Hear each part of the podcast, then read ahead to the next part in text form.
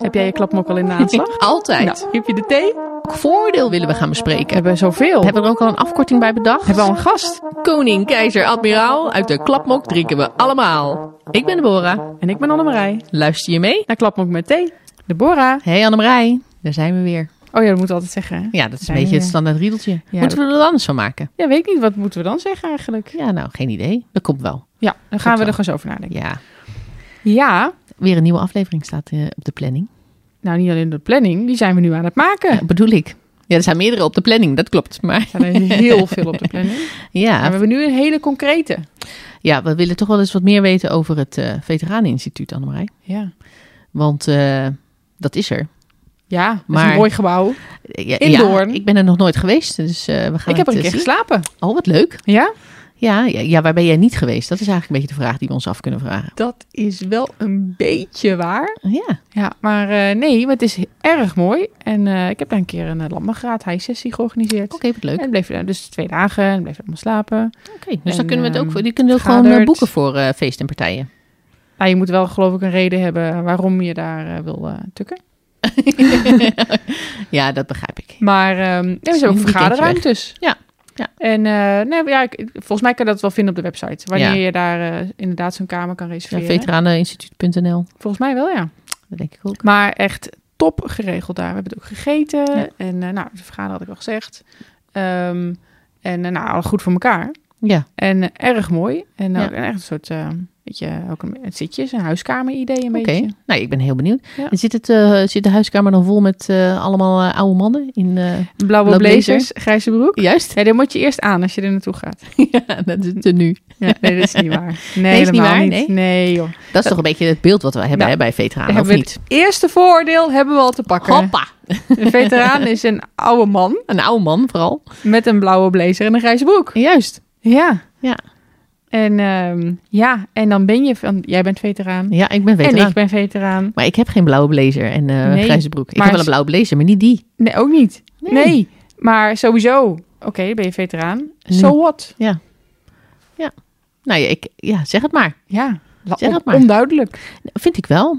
Vind ik wel. En ik ben, eh, ik ben heel benieuwd wat het, eh wat het Veteraneninstituut Wat het wat is. dat is en wat wat, het het daarin betekent. betekent Ja. Wat betekent het voor ons? Ja, ja.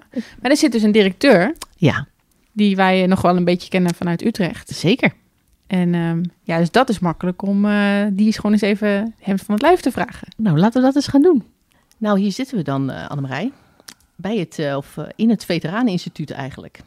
En het eerste wat me opvalt is, is wat een supergebouw is dit. Ja, dat hebben we niet verder bij Defensie. Nee, echt niet. Nee. Echt niet. Maar we zitten hier niet alleen. We zitten hier eh, op, eh, op- we zijn hier op bezoek bij eh, de brigadegeneraal eh, Paul Hoesloot. Op audiëntie. Op audiëntie. Nou, absoluut. Zo voelt het wel een beetje. Ook van ons zeer vereerd om hier te mogen zijn. Van harte welkom, dames. Ja. Ja, dank u wel, dank u wel. En ja, de allereerste vraag die we natuurlijk hebben is... waarom hebben we eigenlijk een veteraneninstituut? ja, dat is een hele goede vraag. Hebben jullie wel een idee hoeveel veteranen we hebben in Nederland? Nou, heel eerlijk gezegd, eh, ja, het zullen er heel veel zijn, maar hoeveel exact? Ik heb geen idee. Nou, het zijn er meer dan 100.000. hè. We hebben Oh, al serieus? 100, eh, 107.000. Variërend in de leeftijd van 100 plus Ja, tot eh, nou, zeg maar 19 jaar, 20 jaar. Hè, en alles wat ertussen zit.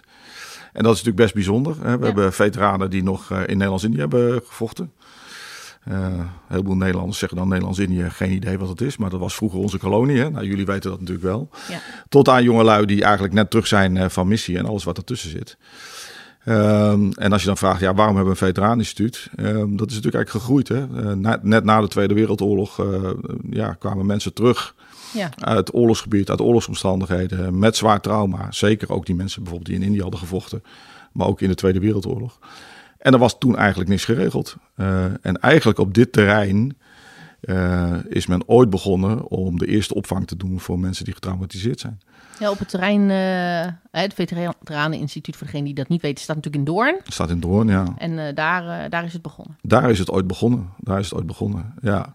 En kijk, als, je dan, als je het dan hebt over waarom hebben we een veteraneninstituut... dan zou je heel eenvoudig kunnen zeggen van ja, we hebben een veteranenwet. En daarin staat gewoon dat de minister moet zorgen voor haar veteranen... voor tijdens en na uitzending. Ja. En niet alleen voor die veteranen, maar ook voor die relaties. En wij zijn een zelfstandige stichting. Hè? Want uh, je zei net van wat een mooi gebouw, dat hebben we niet bij Defensie. Nee, maar wij zijn ook niet van Defensie. Wij zijn echt zelfstandig. We staan buiten Defensie. Ja. Uh, een eigen stichting die we zelf bedruipen. Natuurlijk wel met, met het geld van, uh, van Defensie.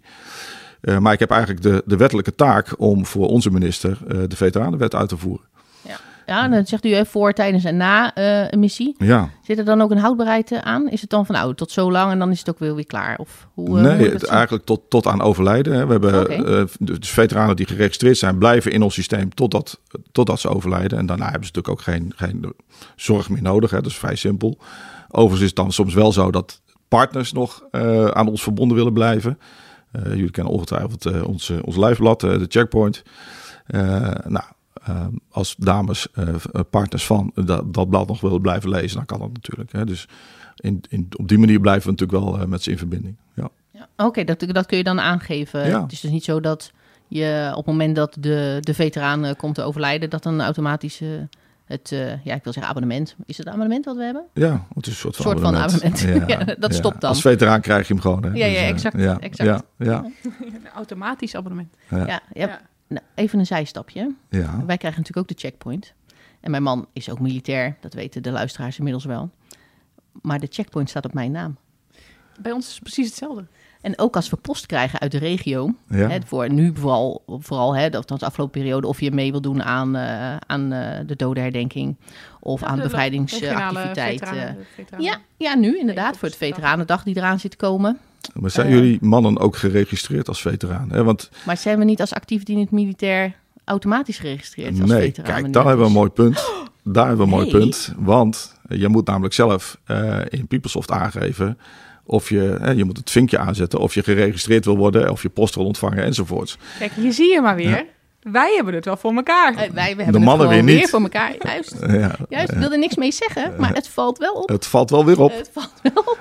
Maar dat is dus wel een, een punt. Daar zijn we overigens ook mee bezig om dat te veranderen. Uh, want wat je natuurlijk eigenlijk wil, is dat op het moment dat iemand de status van veteraan krijgt, dat dat ook direct zichtbaar is in het systeem. Ja. Uh, dat we uh, in, in, in geval van reunies, lokale reunies of lokale veteranendagen, mensen uit systemen kunnen halen en ervoor kunnen zorgen dat ze ook een uitnodiging krijgen. Nou, op het moment dat je het vinkje niet gezet hebt, dan, dan krijg je ook geen uitnodiging, want dan ben je niet vindbaar. Nee. Nee, dus dat is wel belangrijk voor iedere Dat veteraan. is, dat is heel belangrijk. Even Kijk even in. PeopleSoft of je alle vinkjes hebt aangezet, of je post wil ontvangen, de checkpoint wil ontvangen, of je geregistreerd wil zijn als veteraan. Ja. Uh, volgens mij krijg je dan ook pas de veteranenpas, maar dat weet ik niet helemaal uit mijn hoofd. Kunnen we straks nog even navragen bij het loket? Nee, die, die heeft die mijn man ook. Ja, die heeft mij Ja, ook. maar verder, uh, verder niks. Oké. Nee. nee. Nou, Toch even de moeite waard om even te kijken Even checken. eh, Ja. hoe je geregistreerd hebt. Ik kan me ook voorstellen dat hij eh, het vinkje checkpoint niet aanzet. Want ja, we hoeven natuurlijk niet twee Ja, eh, eentje is natuurlijk voldoende. eentjes voldoende bij ons op het adres. Dat zou zelfs bij ons nog wel eens gebeurd kunnen zijn, dat we ze niet dubbel sturen. Dat, Ja. ja. ja. Ja, jawel, maar dat staat natuurlijk, die post, dat zou je dan wel verwachten natuurlijk. ja. Ja, nou ja, wel eens even een Nou, sidestep. Een sidestep. Opgelost. Opgelost. nu al. Maar het, eh ja, het Veteraaninstituut, we hebben nu natuurlijk een aantal eh ja, veteraanactiviteiten genoemd. Hè. Vaak eh, rondom eh dodenherdenking, bevrijdingsdag. Eh, dat zijn natuurlijk altijd een beetje de bijzondere momenten voor, voor veteranen. Hè. De Ja. Veteranendag zelf. Ja. Is dat dan ook een beetje waar het Veteraneninstituut zich op richt? Of wat, wat, wat betekent het Veteraneninstituut voor mij? Nou, als je gaat kijken naar de, ik- zeg het al, ik noem het altijd drie hoofdstromen binnen het Veteraneninstituut. Dan heb je aan de ene kant erkenning en waardering. En dat loopt eigenlijk van, nou, je zou kunnen zeggen, een veteraan in de klas die een verhaal vertelt of die in een klas een dilemma training doet. Hè, die, die dus wat vertelt over zijn werk en probeert jonge, jonge lui daarin mee te nemen. Eh, dat is een, een heel mooi facet van. Maar dat loopt dan uiteindelijk tot die hele grote Veteranendag, zometeen 25 juni in, eh, in Den Haag. Eh, een ander ding wat daartussen zit, als je het hebt over erkenning en waardering, is de opdracht die we nu hebben gehad om voor Dutchbad 3 veteranen en hun relaties terugkeerreizen te organiseren naar Srebrenica en omgeving. As we speak eh, is de tweede reis nu gaande. Hè. We doen nu een aantal, je zou kunnen zeggen, proefreizen om eens te kijken hoe bevalt dat en doen we het goed of moeten we nog wat aanpassen. En volgend jaar hopen we eh, volledig los te gaan. Eh, en uiteindelijk in een jaar of vier, vijf, nou, 800, 900 mensen die kant op te brengen. Om misschien ook wel voor veteranen het cirkeltje rond te maken. Hè, iets te doen aan verwerking enzovoorts. Dat is ook wel bijzonder. Ja, dat, Ja. Ja. dat, dat is heel bijzonder. Het is ook heel bijzonder dat we die opdracht hebben gekregen van het ministerie. Uh, dat komt natuurlijk uit de adviezen van de commissie Boslab, die aan de minister een aantal adviezen heeft gegeven in het kader van Dutchpad 3 en de verwerking van Dutchpad 3. dit is er één van en ja, daar zijn we ook trots op dat we, dat we dat mogen doen. Maar dat is dus echt zeg maar, de stroming erkenning en waardering. Lokaal heb je natuurlijk ook heel veel erkenning en waardering. Want dus je, we hadden het net over lokale veteranendagen. Ja. Uh, soms is het voor gemeentes best wel moeilijk om uit te vinden, ja, hoe moet dat dan? Hoe moeten we mensen uitnodigen? Wat zou je wel moeten doen? Wat zou je niet moeten doen? Nou, daarvoor praten we gemeentes ook één keer per jaar gewoon bij in een, in een soort van uh, plenaire sessie. En dan uh, gaan we met ze in gesprek en helpen we ze. En geven ook aan van, nou, stel nou dat je een, hulpvraag hebt. Kom dan bij ons, want we hebben ook 400 vrijwilligers, die kunnen je ook helpen. Dus dat is allemaal erkenning en waardering. Daarnaast zijn we ook van kennis en onderzoek. Ehm, we hebben een expertisecentrum. Daar zitten ook een aantal wetenschappers in. Die doen onderzoeken naar hoe gaat het met veteranen bijvoorbeeld. en dan ook naar de verschillende uitzendingen en de verschillende leeftijden. Uh, maar ze doen ook historisch onderzoek. Uh, we hebben net het hele Indische onderzoek gehad. Hè, dat, dat kennen jullie waarschijnlijk wel. Ja. Um, daar hebben ze zijdelings ook aan, aan bijgedragen. Um, daar spiegelen ze ook zeg maar, de, de, de onderzoekers bij. Uh, een ander heel belangrijk ding wat, die, wat de, dat expertisecentrum doet, is het interviewen van veteranen. Uh, want je kunt, je kunt je voorstellen dat veteranen soms hele mooie verhalen vertellen. Maar de, de, de oudere veteranen, zeker de Indië-veteranen, uh, die hebben heel lang hun verhalen voor zich gehouden. Ja. Ze kwamen terug uit Indië, in Nederland, gingen aan het werk en er was geen plek voor hun verhaal. Nou, die verhalen halen we allemaal wel op om daar gewoon een, ja, een beter overzicht van te krijgen en indruk van te krijgen. En bovendien kan het je helpen bij historisch onderzoek. Uh, het is ook een vorm van erkenning en waardering, want hun verhaal wordt toch verteld, het wordt opgeschreven. Uh, we geven het ook uit in boeken. Hè. We hebben een heel mooi boek uitgegeven over die periode. En daar staan al die verhalen in, uh, zoals ze ze verteld hebben. En daar lees je dus ook de verhalen in terug dat ze soms dingen hebben gedaan waar ze nu spijt van hebben.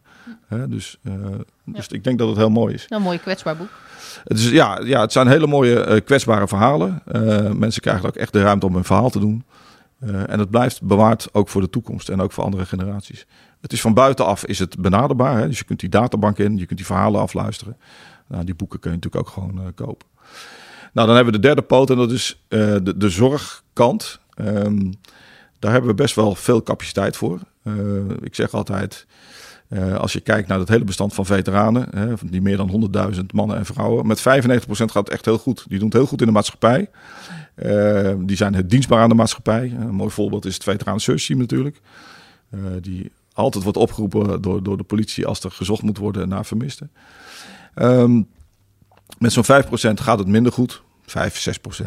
Um, en die hebben soms een hulpvraag. En die komen dan terecht bij dat veteranenloket waar we net zijn langsgelopen. En dat kan zijn uh, omdat ze een materiële vraag hebben, omdat ze schulden hebben. Uh, vaak is het een combinatie van een materiële vraag en, en, en een vraag voor geestelijke ondersteuning. Uh, dat kan zwaar zijn, dat kan minder zwaar zijn. Maar ongeveer 5% zeg maar, van het hele bestand heeft, heeft hulp nodig. Daarvoor hebben we best wel een hele mooie organisatie ingericht. Uh, dat begint eigenlijk bij vrijwilligers in het land. We noemen dat de nulde lijns ondersteuners. Zijn veteranen, net zoals jij en ik, die een heel klein beetje opleiding van ons hebben gehad om te herkennen of een veteraan misschien wel hulpvraag nodig heeft of een hulpvraag heeft. Die met veteranen in gesprek kan, die ervoor kan zorgen dat ze doorverwezen worden. Uh, en dat is denk ik heel mooi. Uh, vrijwilligers door het hele land, allemaal leden van ja, veteranenverenigingen zou je kunnen zeggen. En hoe vinden zij dan veteranen die misschien hulp nodig hebben?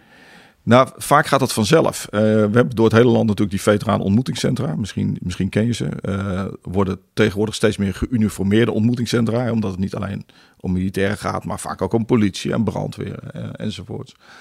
en vaak vinden ze elkaar daar toch wel. en gaan ze met elkaar het gesprek aan. Maar het is niet altijd zo dat veteranen daar graag naartoe komen. Want je hebt ook veteranen die zich afzonderen.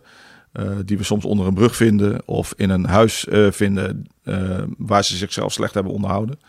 En dan gebeurt het ook wel eens dat we via via horen dat er een veteraan ergens zit die, ja, waar het niet zo goed mee gaat. Nou, daarvoor hebben we, we noemen dat het, het Reach Out ondersteuningsteam. dat zijn twee mannen en een vrouw, allemaal ervaringsdeskundig op het gebied van trauma, zelf trauma gehad of partnertrauma gehad die we dan daarop af kunnen sturen. Uh, dat klinkt misschien een beetje hard, maar zo, zo, bedoel ik het niet. Wat ze eigenlijk doen is, uh, omdat ze ervaringsdeskundigen zijn, omdat ze het zelf ooit ervaren hebben, is het voor hun vaak ja, mogelijk om in contact te komen met die mensen. En soms is het alleen maar een gesprek en nog een gesprek en, en stopt het dan of blijven ze in gesprek. En wat we natuurlijk liefste willen is dat als we constateren dat er echt een hulpvraag is, eh, dat we ze het zorgsysteem in brengen. Dus dat we ze uiteindelijk naar een maatschappelijk werker eh, toe brengen of naar een zorgcoördinator. Nou, dan heb je het over het, over het niveau uh, 1, zeg maar. Hè? Zorgcoördinatie, maatschappelijk werk. Mm. Maatschappelijk werk zijn er meer dan 50. Zorgcoördinatie zit er net iets onder. Maar zijn dat dan mensen hè, van, die aangestuurd worden vanuit het Veteraneninstituut? Ja. Of zijn dat mensen die we gewoon koppelen aan de, ja, ik wil zeggen, de civiele zorg? Zeg nee, dit is echt specifieke veteranenzorg. Uh, veteranenzorg. Zijn ook allemaal opgeleid in de context. Ja van het veteraan zijn. Je zult zien dat als je naar het hele bestand zou kijken van maatschappelijk werkers en zorgcoördinatoren, dat er ook veel ex-militairen in zitten. Ja, dat is wel best. Ja, dus uh, ja, zo werkt dat, dat dan. Wel logisch natuurlijk. Is wel, is wel heel logisch. Ja. Uh, die hebben natuurlijk ook het, hart wel voor die, voor die, voor die veteranengroep. Ja. Nou, daar begint feitelijk de eerste zorg. En daar wordt in kaart gebracht van wat voor zorgbehoefte is er nou. Uh, wat moeten we nu voor jou wegnemen, zodat je misschien mentaal kunt herstellen. Stel dat je zware gok, gokschulden hebt. Of je kunt de huur niet meer betalen. Nou, hoe kunnen we je daar dan in helpen, zodat je daarna uh, kunt herstellen? En dat herstel kan best wel heel ver gaan. Um, dat doen we ook niet allemaal in huis. We hebben het zogenaamde landelijk zorgsysteem voor veteranen. Die, uh, dat landelijk zorgsysteem bestaat uit drie uh, militaire instanties en negen civiele instanties. En ook al die civiele instanties die weten wat het is om veteraan te zijn. Ze hebben daar dus mensen specifiek voor opgeleid. Ja. dan kom je dus echt in de zwaardere, in de zwaardere zorg uit. Uh, waarbij mensen misschien ook wel soms uh, tijdelijk worden opgenomen. En een heel programma volgen om weer terug op het, uh, op het pad te komen. dus het is een heel mooi circuit van nulde lijnszorg, eerste lijns, tweede lijns. het liefst binnenkomen natuurlijk via het veteranenloket. overigens, dat hoeft de veteraan niet zelf te doen. Kan de partner ook doen. Uh, als je natuurlijk als, want vaak zien we natuurlijk dat partners als eerste zien dat er iets aan de hand is met, mhm. met, ja. met de militair of ex-militair. Nou, pak de telefoon, bel ons op, vertel je verhaal en we gaan je helpen. Dat is, dat is waar we voor zijn. Dat is die zorgkant. Die zorgkant is dus vrij groot voor ja. een relatief klein deel van die veteranen. Hè. Maar dat is denk ik, dat werkt hetzelfde als met personeel. Hè. We zeggen altijd de meeste tijd besteed je, besteed je aan de, het kleinste deel van je personeel, omdat je daar gewoon zorg om hebt. Nou, dat is hier ook zo. Ja. Uh, daar zijn we ook wel trots op dat we dat kunnen doen en mogen doen. En we doen dat niet alleen voor veteranen, maar we doen dat ook bijvoorbeeld voor politie. Uh, uh, ja, want zijn die, hè, ik hoor net ook hè, over de, de, uh, ja, die, de lokale, ik ben het even kwijt, het woord. Die, het landelijk zorgsysteem voor veteranen, bedoel je dat? Nee, nee, nee, nee de, oh, de, lokale... De veteraan Juist, de ja. ontmoetingscentra. Ja. Um, en, en, dat daar ook politie en brandweer en zo, zijn die bij ons aangehaakt? Omdat wij dit hadden en zij die behoefte ook hebben? Of hoe is, dat, hoe is die samenwerking gekomen? Nou, lokaal is dat echt lokaal geregeld. Hè? Want die, die, die, ja, die veteraan ontmoetingscentra, dat, die zijn niet van ons. Die zitten okay. wel in een netwerk van ons. Dat zijn particuliere initiatieven vaak. Okay. Je hebt uh, uh, echt nog veteraanontmoetingscentra, maar je hebt ook de GOC, zeg, geuniformeerde ontmoetingscentra. En die zetten gewoon hun deuren open en die, uh, die zeggen gewoon van, nou luister, als je veteraan bent, ben je welkom, ben je welkom. Maar ook als militair of ex-militair ben je welkom. Ja. En als je van de politie bent of de brandweer en je vindt het leuk om ervaring uit te wisselen, kom vooral naar ons toe. Ja, ja dus en, en, en, zo kopen ze samen. En het, ja. is, het zijn natuurlijk gewoon uh, echt ontmoetingscentra. Uh, ja. De bedoeling is om met elkaar in, in, in gesprek te komen, koffie, kop koffie te drinken uh, enzovoort. Ja. Ja. ja, en het Veteraaninstituut zelf dan? Want als het inderdaad ook voor, voor de politie is, hebben we het dan over politie die uitgezonden is geweest? Of meer in brede zin? Het, het, is breder. We hebben op dit moment een contract uh, met, de, met de politie om uh, politiemensen, om dienders te helpen die bijvoorbeeld trauma hebben. En dat zijn er ongeveer zo'n 300 per jaar. Dus dat is best fors. Zeker fors. Ja, ik zeg altijd, politieman is elke dag op uitzending. Uh, ja. En die maakt elke dag uh, ellende mee. En soms gaan ze van ellende naar ellende. Hè. Dus het rugzakje wordt vaak heel snel vol. We hebben in de aflevering met Knak ook over gehad. Oké. Okay. Ja. Ja. ja. Ja, en van, vanuit een van de, van, van de stichtingen die samengevoegd zijn in het nieuwe Nederlands Veteraneninstituut, dat is Stichting de Basis. Daar zat altijd een maatschappelijk werk in. Daar was ook dit gebouw van.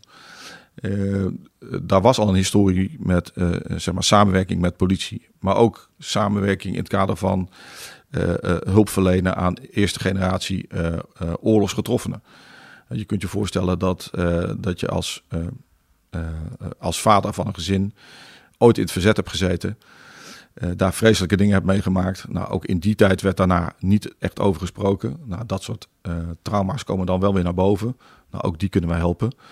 Uh, en wat heel bijzonder is, is afgelopen dinsdag heb ik met VWS eh, en met eh, eh, drie andere partners, Pelita, ehm, het ARK eh, en de Stichting Joods Maatschappelijk Werk, een eh, convenant mogen ondertekenen. Waarbij uiteindelijk erkend is dat het niet alleen gaat om die eerste generatie, maar dat vaak de kinderen daarvan, dus tweede generatie, Ja. ook last hebben gehad van het trauma van hun ouders. Dus zie je heel veel, heel veel bij, bij mensen eh, natuurlijk die in, in Nederland trauma hebben, hebben, opgelopen, maar ook in Nederlands-Indië, voormalig Nederlands-Indië. Eh, ook die generatie draagt de pijn van hun ouders met zich mee en moeten dat ergens een plekje geven. Nu is dat formeel erkend. Eh, er is nu ook geld voor beschikbaar. En wij maken samen met die organisaties daar programma's voor om die mensen te begeleiden en ze weer een, ja, een stukje vooruitzicht te geven. Ja, en wat ik wel bijzonder vind is... Dat, dit is altijd een beetje ruzie, hè? Wie, We hebben wie- veel te bespreken. hè? Ja, ja. ja, precies, precies. En wat ik bijzonder vind is, eh, is dat zo'n erkenning, dat duurt zo lang. Eigenlijk gaat het toch nergens over. Wat voor erkenning bedoel je dan? Nou, voordat er een erkenning is dat, er, dat, dat een tweede generatie, hè, die dus opgroeit met het trauma van eh, hun ouders, Ja, eh, dat, dat dat dus, dus ook traumatisch kan zijn. Juist. Ja, en, ja. en misschien, heb je gelijk. misschien nog veel meer onbegrip hebben, want ze waren Ja. er niet bij, maar ze weten het wel. Ze krijgen Ja. het gevoel mee. Ja. Hè, want iets is niet goed, want mijn ouders vonden dat nooit goed. Ja, En die kunnen het misschien helemaal niet plaatsen. ja. En wat mij dan altijd verbaast is dat dat altijd zo lang moet duren. We hebben het over. We zitten in 2022. ja, maar het is natuurlijk ontstaan in een tijd, eh, eh, net na de Tweede Wereldoorlog. Ja? Eh, toen was daar geen ruimte voor. Toen, toen had je dit soort dingen natuurlijk eigenlijk ook niet. We wisten niet hoe we ermee op moesten gaan. nee, precies. En ik denk dat het eh, in stroomversnelling is gekomen zo'n nou, 20 jaar geleden.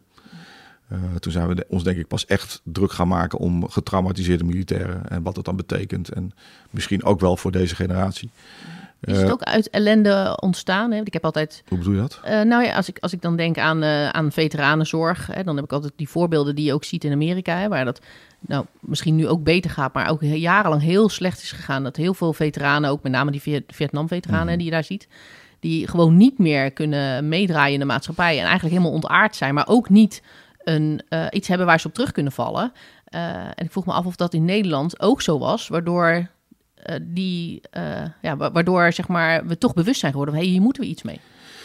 Is dat, is dat een beetje, of zeg je in Nederland nou, is ik, weet je, ik, zou, ik zou Nederland nooit willen vergelijken met Amerika. Want, want dat is echt een wereld van verschil. Hè. Dat, daar is het vooral uiterlijke schijn. Hè. Daar word je natuurlijk Ja. eh, eh, eh, naartoe gejuicht op het moment dat je op straat loopt eh, eh, als veteraan. En dan ben je fantastisch. Ja, absoluut. Totdat je je hand ophoudt omdat je voorzieningen nodig hebt en dan zijn ze niet thuis. Nou, hier is dat echt anders geregeld. Eh, ik denk dat we eh, in Nederland ook gewoon een soort van ontdekkingstocht hebben gedaan. Ja. Eh, na, na die Tweede Wereldoorlog, daarna zijn natuurlijk nog meer dingen gebeurd. We hebben Korea gehad. Libanon is natuurlijk een hele grote club geweest. Ja. Begonnen met dienstplichtigen. En die hadden, ook, die hadden geen keuze, die moesten ook gewoon. Daarna werden het wat meer vrijwilligers. Daar zijn ook best wel veel dingen gebeurd. Er zijn ook getraumatiseerde mensen uit voortgekomen. Nou, ik denk dat dat, dat besef zo een beetje ontstaan is. Hè? Dus aan, aan, de, aan de militaire kant. We hebben, we hebben er echt van geleerd. We zijn er ook beter in geworden. Ja. En ik denk dat we er steeds professioneler in worden. Eh, die erkenning van die tweede generatie, Ja. dat is denk ik wat anders. Misschien is het ook wel een beetje politiek. Want als je natuurlijk dit erkent, dan betekent ook dat je daar geld aan moet besteden. Ja, precies. Eh, dat en, is en capaciteit natuurlijk, voor eh, beschikbaar moet maken. Ja, ja want Eh, wij kunnen het wel erkennen, maar als het formeel erkend wordt, dan heeft dat natuurlijk consequenties. Nou, kijk, wat, wat, wat er natuurlijk gebeurd is, er is ook wetenschappelijk onderzoek naar gedaan. Hè, want eh, deze erkenning is niet zomaar op basis van eh, een, twee goede gesprekken gebeurd, maar er is echt gedegen wetenschappelijk onderzoek naar gedaan. Er zijn meer eh, eh, wetenschappelijke onderzoeken naar gedaan naar dat, eh, noemen dat transgenerationeel eh lijden, zeg maar. Ehm, en, en dat brengt toch wel naar boven dat je eh, het trauma van je ouders met je mee kunt nemen. Heel mooi voorbeeld is denk ik, eh, en daar is de laatste tijd wat meer aandacht voor, voor de Molukse gemeenschap. Hè, de, met name de knil Molukkers of knil Ambonezen zoals ze genoemd worden.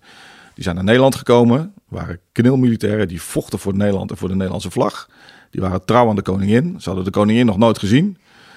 Eh, maar die deden wat ze gevraagd werd. Hè. Puur zang militaire. Opdracht is opdracht en die werd uitgevoerd. Nou, toen werden ze op de boot gezet naar Nederland. Weggestopt in voormalige concentratiekampen. En vervolgens ook nog direct ontslagen. Eh, toch waren ze zo trouw als maar zijn kon aan de Nederlandse eh, ja, koningshuis, eh, de Nederlandse regering. Maar je ziet dat het daar wel fout is gegaan in die tweede generatie. Ja, ehm, Ja. De pijn die de tweede generatie heeft gezien bij hun ouders, hè, want die, die mensen die zijn natuurlijk gewoon ja, eigenlijk weggeteerd, heeft wel tot gevolg gehad dat het uit de hand is gelopen. En dan heb ik het natuurlijk over eh, het, verzet wat er is geweest, de treinkapingen, de, de schoolkapingen enzovoort.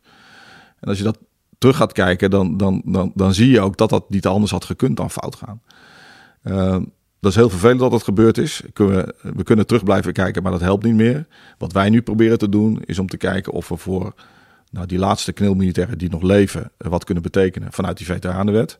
Maar vooral ook voor een tweede en derde generatie uh, kinderen. Ehm, door die hier ook naar binnen te halen. En te kijken van, hey, hebben jullie nou nog een hulpvraag? Kunnen we wat voor jullie doen? Daar, zijn, ja. daar, doet, daar doen jullie zeg maar actief uh, ja, mensen in benaderen. Ja, daar zijn we actief mee bezig. Dat doen we met de, met de Molukse gemeenschap. Ja. Dat is ook best moeilijk. Uh, want de, de gemiddelde Molukker zegt natuurlijk, hè, dat tenminste de, zeker de eerste generatie, de blanken die zijn niet te vertrouwen. Kijk maar wat ze met ons hebben gedaan. Dus, dus het is heel moeilijk om ze te benaderen. Ze zijn ook verdeeld. Maar we proberen dat wel via Molukse organisaties, uh, Pelita bijvoorbeeld, maar ook uh, Moluku voor Moluku. Proberen we die mensen naar binnen te krijgen. Want ik denk echt dat we wat voor ze kunnen betekenen. Uh, we doen dat ook dan met, met Molukse hulpverleners bijvoorbeeld. dus ik hoop dat ze op 16 juli hebben de eerste bijeenkomst of, of er dan mensen gaan komen. En, en of we in kaart kunnen brengen waar we ze mee kunnen helpen. Want ik denk dat we als Nederlandse staat dat wel verplicht zijn. Ja. nou ja, ik vind het wel een mooi iets. Ja. Mooi werk, hè? Ja, nou, absoluut, ja. ja. ja. en weer iets wat eigenlijk natuurlijk heel lang duurt. Hè. We zitten natuurlijk zoveel tijd nadat dit ja. gebeurd is. Ik vind het en heel goed ook dat we dan niet zeggen... oké, okay, maar het is nu zo lang geleden en uh, het is klaar. Maar dat je ook echt kijkt naar zo'n volgende generatie. Ja. En ook ziet dat het nu nog steeds iets is waar we iets mee moeten. Ja, en iets mee ja. kunnen. Ja, het loopt natuurlijk door. Hè. Kijk, heel veel van die mensen leven ook nog. Hè. Het wordt steeds minder. Als je kijkt naar het hele Indië-verhaal, het Nederlands-Indië-verhaal... We hebben toch nog zo'n 4000 veteranen die nog leven. Dat is nog best veel. Uh, ja. ja. dat had ik ook niet verwacht. Nee. Ja, er zijn daar zo'n zo'n 160.000 ongeveer geweest. En, uh, dus dat zijn, dat zijn er best veel. Ja, die mensen die worden nu allemaal weer geconfronteerd met dat Indië-onderzoek. Mm. De tendens van het Indië-onderzoek is natuurlijk dat er buitensporig geweld is uh, gepleegd. Ja, hoe, ze... hoe, speelt het Veteraneninstituut daar dan op in, op zo'n onderzoek? Hebben oh, jullie daar aan ja. meegewerkt? Of hoe, nee, uh... nee, want dat is, dat is uh, door onafhankelijke onder, uh, onderzoeksinstituten is dat gebeurd. We hebben wel twee mensen gehad die in een soort van klankbordgroep zaten. En ja. die dus af en toe gespiegeld hebben. Um, overigens onderschrijven wij de conclusies van het onderzoek. Want er is inderdaad buitenspoorgeweld geweest op bepaalde plekken. het is niet zo geweest dat al die, nou zeg maar 200.000 veteranen daar iets mee te maken hebben gehad. Maar wat, wat, een belangrijke conclusie is van dat onderzoek, is dat dat uh, ook vooral uh, aangespoord is geweest door zeg maar, de leiding ter plaatse, militaire leiding, civiele leiding. Het is ook echt gebruikt als middel om inlichtingen te verzamelen. Ja. Uh, en militairen hebben daar gewoon opdracht voor gehad. Ja. wat dan in zo'n onderzoek of in de, in, de, in de communicatie vaak wat minder na, naar voren komt, is dat het maar een klein deel van die, van die totaal aantal veteranen betreft, of militairen betreft, die daar gevochten hebben. Dus heel veel van die militairen die nu hier komen, eh, we hebben op 1 en 3 maart hebben we twee bijeenkomsten gehouden. Die zeggen ook van ja, uh, wij weten helemaal niks van, van dat soort dingen af. We hebben het helemaal niet eens gezien. We hebben hele andere dingen gedaan. Maar die hebben wel het gevoel dat ze weg worden gezet als oorlogsmisdadiger. Ja, want nou, jij was daar ook. Precies. Ja. En zo zijn ze overigens ook ontvangen in Nederland toen ze terugkwamen. Exact. Dus wat wij hier hebben geprobeerd te doen, en dat overigens vond ik dat wel heel moedig van een van de hoofdonderzoekers van, uh, van het NIMH, uh, uh, dat hij hier met zijn mensen uh, heeft, de moed heeft gehad om voor, of in het hol van de leeuw te vertellen wat het onderzoek nou precies inhield. ben Schoenmaker was dat. Daarna is hij ook met die veteraan in gesprek gegaan. En dan zie ik toch dat er hele mooie ons gesprekken ontstaan en dat, dat ze gaan begrijpen van wat nou de uitslag is van het onderzoek en dat het niet allemaal hun betreft. Eén ding waar we nog wel mee bezig zijn is om te kijken of er vanuit de regering, het liefst de minister-president, uh, of we die kunnen, uh, ja, in ieder geval kunnen uitnodigen om, om toch nog een keer naar Roermond te komen, naar de jaarlijkse India-denking. Om daar in het openbaar zijn erkenning en waardering uit te spreken voor die nog levende Indië-veteranen. Die vaak hun leven lang een trauma met zich meenemen, uh, daar bijna niet over gesproken hebben. Waar ook die familie wel last van heeft gehad. Ja. Hè, ook weer. want dat verdienen ze wel. Ja. En we kennen ook echt wel de verhalen van de mensen die zeggen: van, ja, we hebben echt wel dingen gedaan die niet kunnen. Uh, dus, uh, ja. Het is tot ook gewoon een oorlog geweest, hè? Laten we nou, wel je. Moet, je moet het ook bekijken in de, in de tijdgeest. Hè? De, de, mannen gingen na de Tweede Wereldoorlog weg. Ze waren allemaal gewend aan geweld. Hè? De ja. Duitsers hier uh, ja. gooiden toen nog, we vonden toen nog heel normaal om atoombommen te gooien op steden en daar hele steden mee weg te vagen. nou, wat er in Indië gebeurd is in de Japanse tijd, dat is ook niet fris. Nee. dus in die context moet je het ook wel zien. met de bril van nu is het allemaal niet goed. Maar dat is altijd is wel verklaarbaar. Ja. Ja. Nou ja, Ja. precies. precies. Ja. Die tijdgeest is wel belangrijk. Heel daar belangrijk. probeer ik natuurlijk ook echt niet goed mee, mee goed te praten. Nee, hè, doe want mij het ook is niet. natuurlijk altijd... eh, Doe maar mij het ook is natuurlijk... Een oorlog is niet leuk. Dat, we, dat zien we nu ook. Oorlog is vreselijk. Eh, Precies. Ja. Eh, en daar gebeuren dingen die je Ja. eh, niet voor mogelijk had Ja. eh, gehouden. Absoluut. Ja. Ja. Ja, je zei net van wat doe je, wat, Ja. wat doe je nou, hè? Wat doe je ook voor veteranen, hè? als het wat dichter bij huis halen. Want eh, het, het gaat niet alleen maar over, noem het maar de oudjes en over vroeger. Het gaat ook over het hier en nu. Hè? Als je kijkt naar wat er gebeurt eh, in, eh, eh, in Oekraïne. eh, de, de mensen die je daar op straat ziet liggen, afgeschoten gewoon vanaf een fiets door, door, door Russische militairen, ga ik vanuit. Eh, dat soort beelden doet ook wat met, met jonge veteranen. Hè. Eh, en jonge veteranen, eh, dat zijn veteranen die bijvoorbeeld met mij mee zijn geweest naar Kosovo. Toen als 18, 19-jarige. Inmiddels zijn ze ook eh, bijna 40. De beelden die ze daar hebben gezien in Kosovo, zien ze nu weer op, eh, op, op, op tv. Eh, dus ook daar word je nog wel eens door gebeld van... Hey, wat ik daar zie gebeuren, dat brengt toch wel weer bepaalde beelden met me terug. Sterker nog, de geur die, die ik toen rook, die kan ik nu weer ruiken. Dus ook daar betekenen we wat voor. Daar zetten we ook de deuren voor open, gaan we mee in gesprek. En soms is een telefoontje of een kop koffie genoeg. En nou, soms komt er wat meer uit.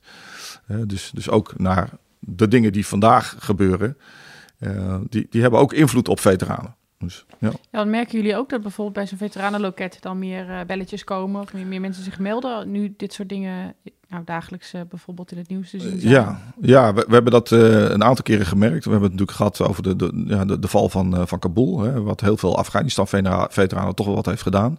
Dus dat leidt dan wel vaker tot telefoontjes. We hebben ook voor die veteranen de deuren opengezet. Gelukkig merken we daar dat de banden vaak met de, met de eenheden, de korps en regimenten eh, groot is. Dus dan wordt het daar vaak opgevangen. Eh, maar er zijn er toch wel, eh, ik geloof een stuk of dertig mensen hier geweest om, om gewoon hier eens over, over na te praten. Nou, Indië-onderzoek hebben we het net over gehad. Daar hebben we ook twee keer de deuren voor opengezet.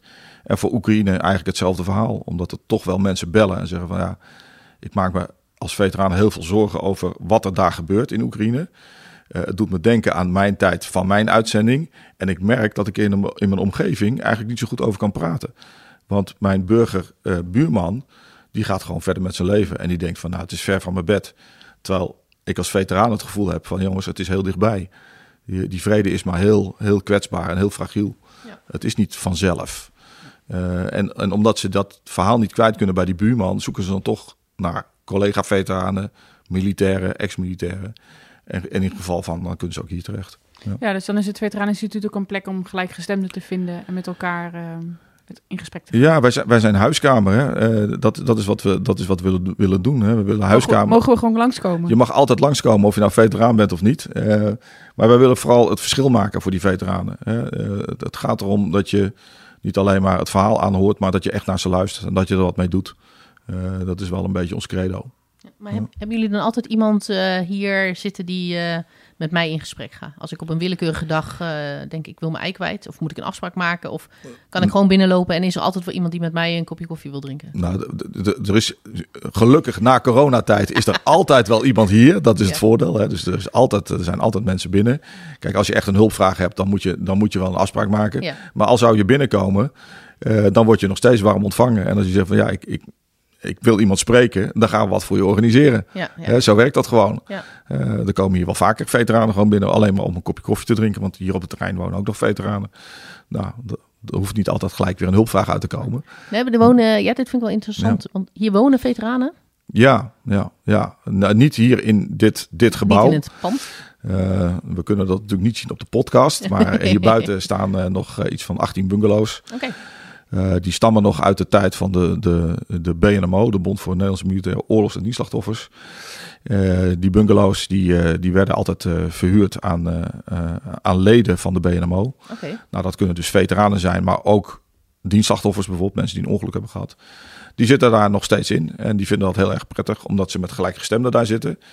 Eh, ze zitten natuurlijk hier heel mooi, hè, een beetje in de bossen, dus Nou, weinig geluid. ik wou en- zeggen. Prachtig hier. Ja, Ja, hier zijn slechtere plekken waar je zou er kunnen zijn wonen. slechtere plekken. Eh, het jammere is wel dat eh, op het moment dat nu de, de huurders eruit gaan, de bungalows verkocht gaan worden. Oh, dat is zonde, ja. Dus dat is zonde. Eh, het goede nieuws is wel dat ze in eerste instantie worden verkocht aan de doelgroep. Hè, dus die veteranen, oorlogs- en dienstslachtoffers.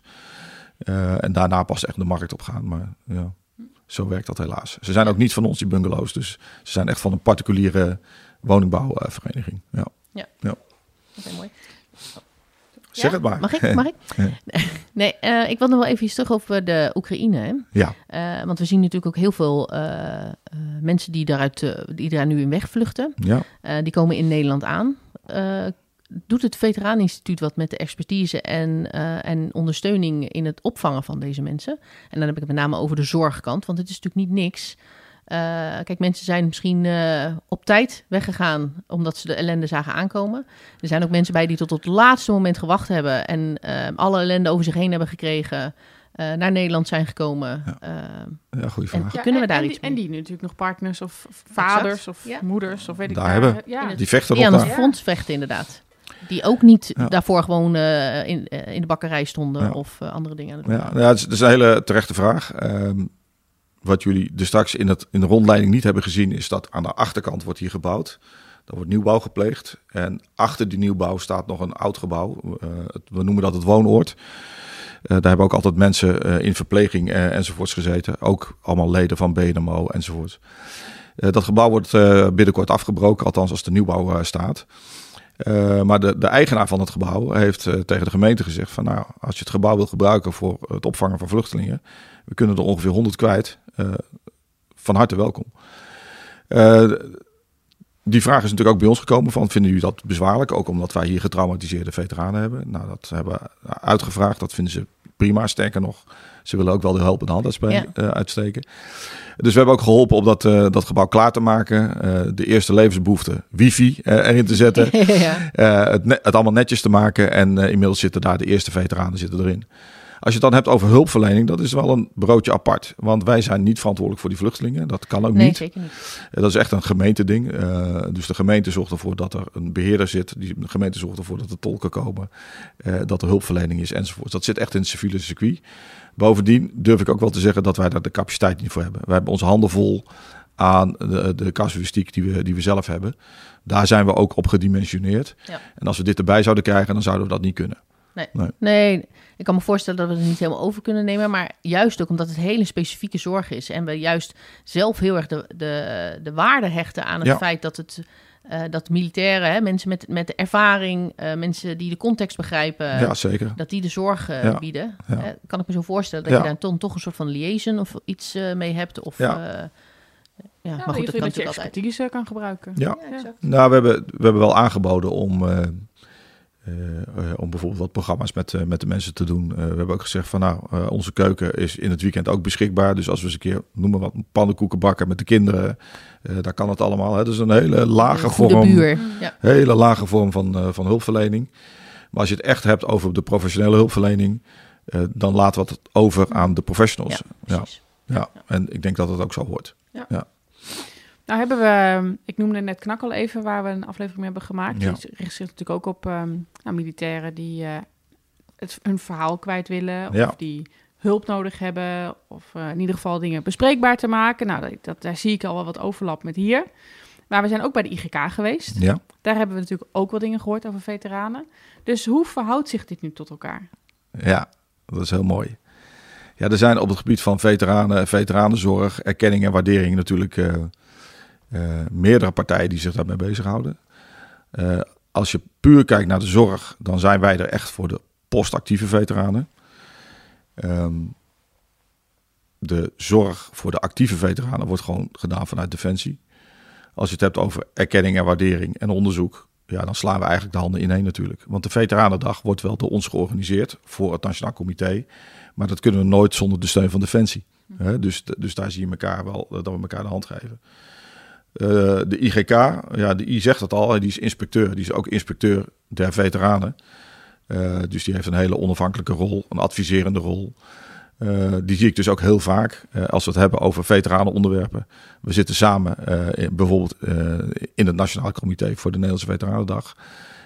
We praten samen over het Indie-onderzoek eh, nou, enzovoorts. Dus, dus daar geven we elkaar de hand en dan kijken we hoe we elkaar kunnen versterken.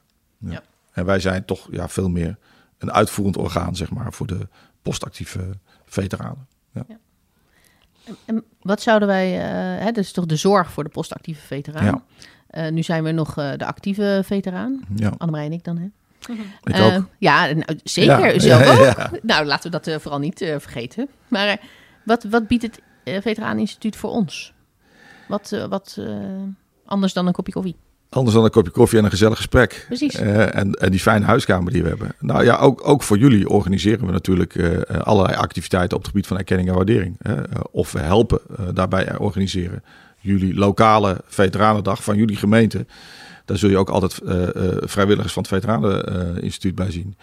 wat wij organiseren met gemeentes is bijvoorbeeld de zogenaamde Anje-concerten. Dat zijn concerten waar bijvoorbeeld de luchtmachtkapel... ik, ben, nou, ik ben net in IJsselstein geweest. Okay. Dat is echt, dat swingt echt de pan uit. Uh, daar helpen we uh, de gemeentes mee om dat te organiseren. Vaak met lokale veteranenverenigingen. Ook daar zul je altijd vrijwilligers van het Nederlands Veteraneninstituut zul je zien. Waar wij op willen investeren samen met, met Defensie. en daar praten we over met de HDP. Daar heb ik met de minister ook over gehad. Is dat we meer aan de voorkant willen zitten. Dus dat betekent, uh, ja, op dit moment hebben we natuurlijk niet zo heel veel uitzendingen. Maar stel nou dat we weer wat, in wat grotere aantallen op uitzendingen gaan. Willen we een plek hebben, bijvoorbeeld in zo'n opwerktraject. Want het is heel belangrijk, denk ik, dat je voor je uitzending hier met je partner komt. Zodat we wat kunnen vertellen over wat wij zijn en wat wij doen. Dat je misschien na je uitzending nog een keer terugkomt om uh, onder het genot van een barbecue even de goede afloop van de uitzending te vieren. Waarbij we nog een keer vertellen van hey, dat is het veteranenloket. En waarschijnlijk heb je het nu niet nodig en volgend jaar niet nodig. Maar het zou zomaar kunnen zijn dat je het over tien jaar wel nodig hebt. Ja. Ook u als partner, u kunt altijd dit nummer bellen. Weet ons te vinden. Dit is wat we te bieden hebben.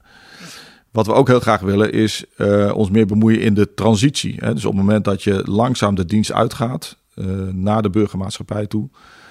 Uh, het is niet alleen maar van het afsluiten van het contract, de deur dicht en, en wegwezen. Ehm, militairen en, en veteranen in het bijzonder hebben hele bijzondere dingen gedaan. Hebben hele bijzondere ervaringen opgedaan. Hebben veel betekend voor, uh, voor de Nederlandse maatschappij.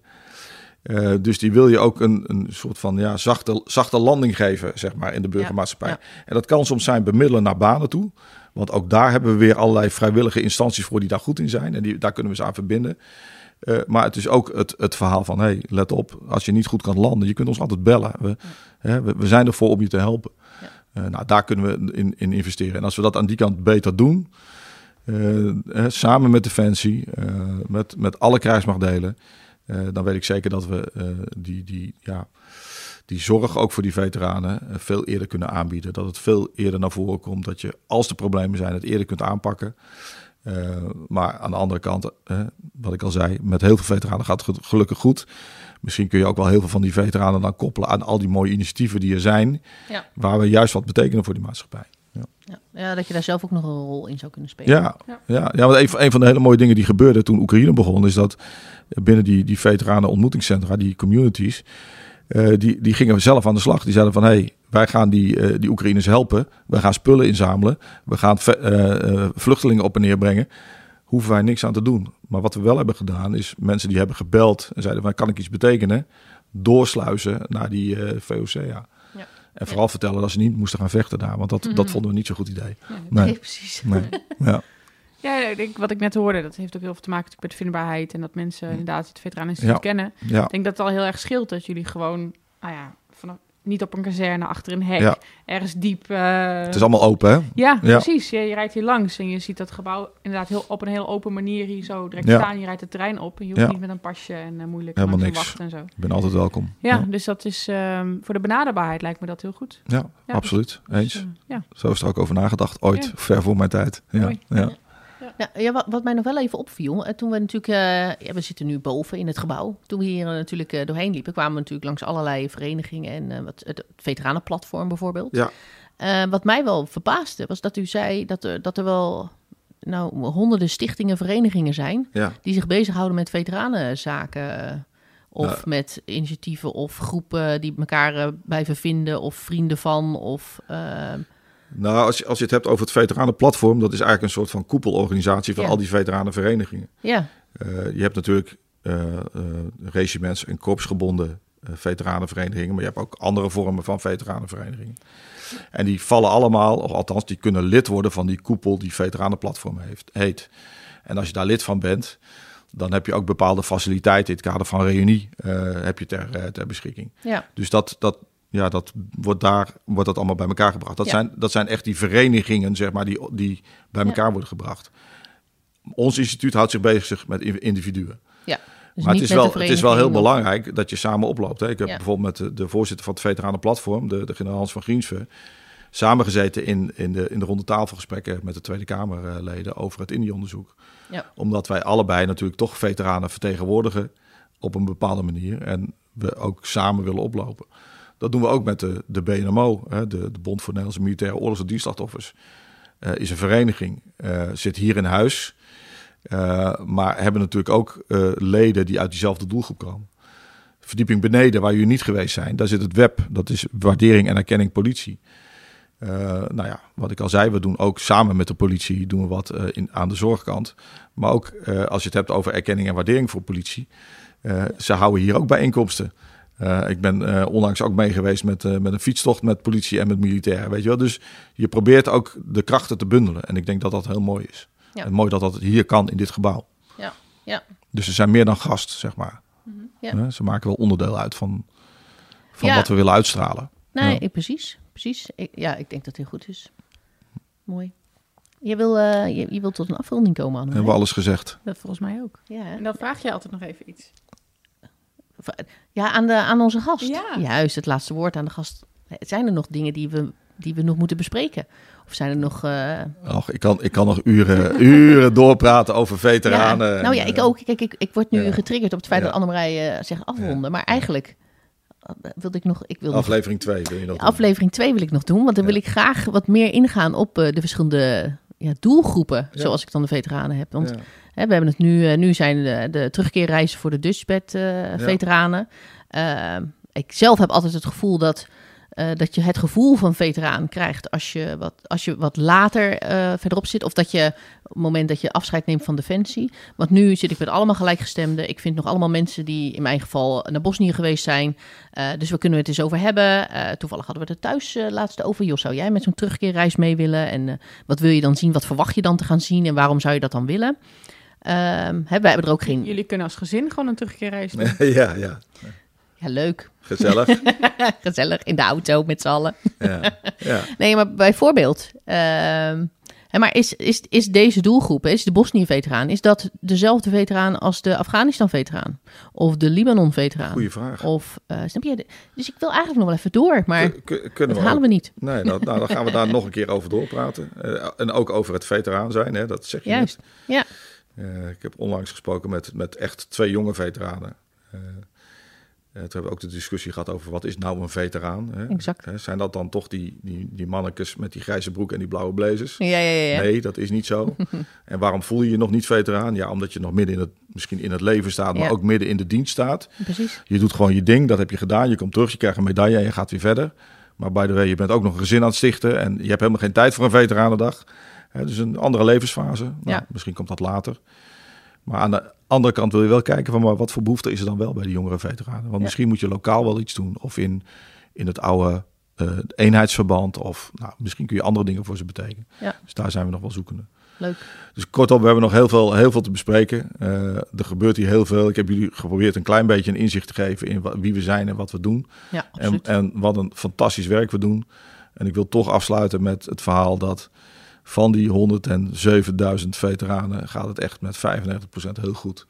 En we besteden heel veel tijd aan die 5% die het nodig heeft. Maar we moeten vooral niet ver- vergeten dat uitzendingen vaak ook een hele eh, positieve invloed hebben op je eigen ontwikkeling. Nou, ik zie jullie knikken, dus jullie zullen het ook ervaren hebben. Eh, en, soms gaat het ook wel eens met een snik en een traan, maar je wordt er uiteindelijk ook wel heel veel beter van. En dat Ja. zie ik hier ook heel vaak. En, en dat vind ik heel mooi. Dus we zijn dienstbaar. Hè? Zeker. Een mooie afsluiting. Dat vind ik ook.